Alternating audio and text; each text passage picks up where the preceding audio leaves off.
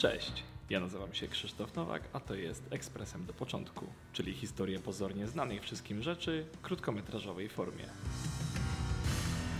Po raz kolejny ciekawa historia trafiła do mnie przypadkiem, tym razem ze sprawą mojej bardzo serdecznej przyjaciółki Miśki.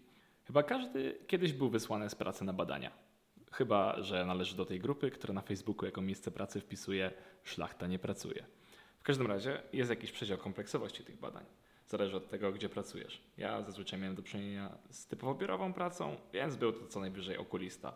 Ale jeśli pracujesz w zakładzie produkcyjnym, gdzie na przykład masz do czynienia z maszynami, jest tego troszeczkę więcej.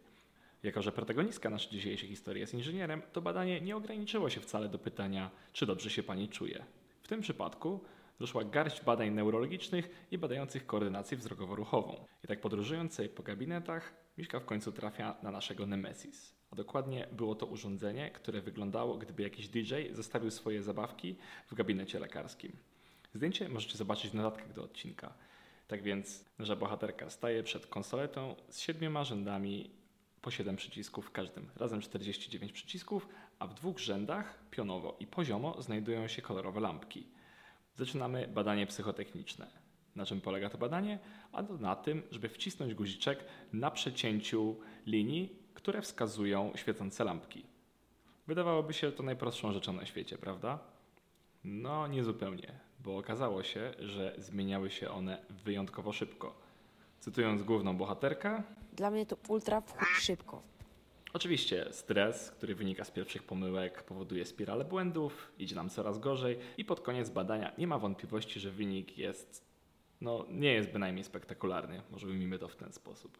Kiedy pani doktor zerknęła na wynik, z zaangażowaniem emocjonalnym, godnym konduktora w PKP oznajmiła hmm, no słabo to pani poszło. Po czym wpisała dolną granicę normy i poprosiła, aby wykonać telefon. Do mamy. Proszę spytać mamy, czy pani raczkowała.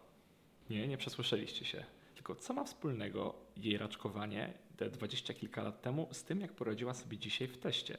Okazuje się, że niezwykle wiele, ponieważ dzieci, raczkując, rozwijają połączenia między prawą i lewą półkulą mózgu. Po telefonie do mamy okazało się, że nasza bohaterka bardzo szybko zaczęła chodzić. Nie raczkowała prawie w ogóle. Więc, siedząc sobie przed gabinetem lekarskim, nagle uświadomiła sobie, że wszystkie te trudności, które pojawiły się przy zrobieniu prawa jazdy, te kiepskie wyniki przy grze w tenisa i inne związane z koordynacją ruchową czynności, miały swój początek właśnie tam. Niewiele myśląc, ja też postanowiłem zadać to pytanie swojej mamie. Ona krótko, bez zastanowienia powiedziała, że raczkowałem niezwykle krótko, w zasadzie bardzo śpieszyłem się do chodzenia. No i wtedy też zrozumiałem, że moja fatalna równowaga, moje koszmarne wyniki w sportach, w których występuje piłka i tak dalej, miały swoje podłoże też tutaj. No oczywiście powodów jest więcej, ale ten niech zostanie moją wymówką numer jeden.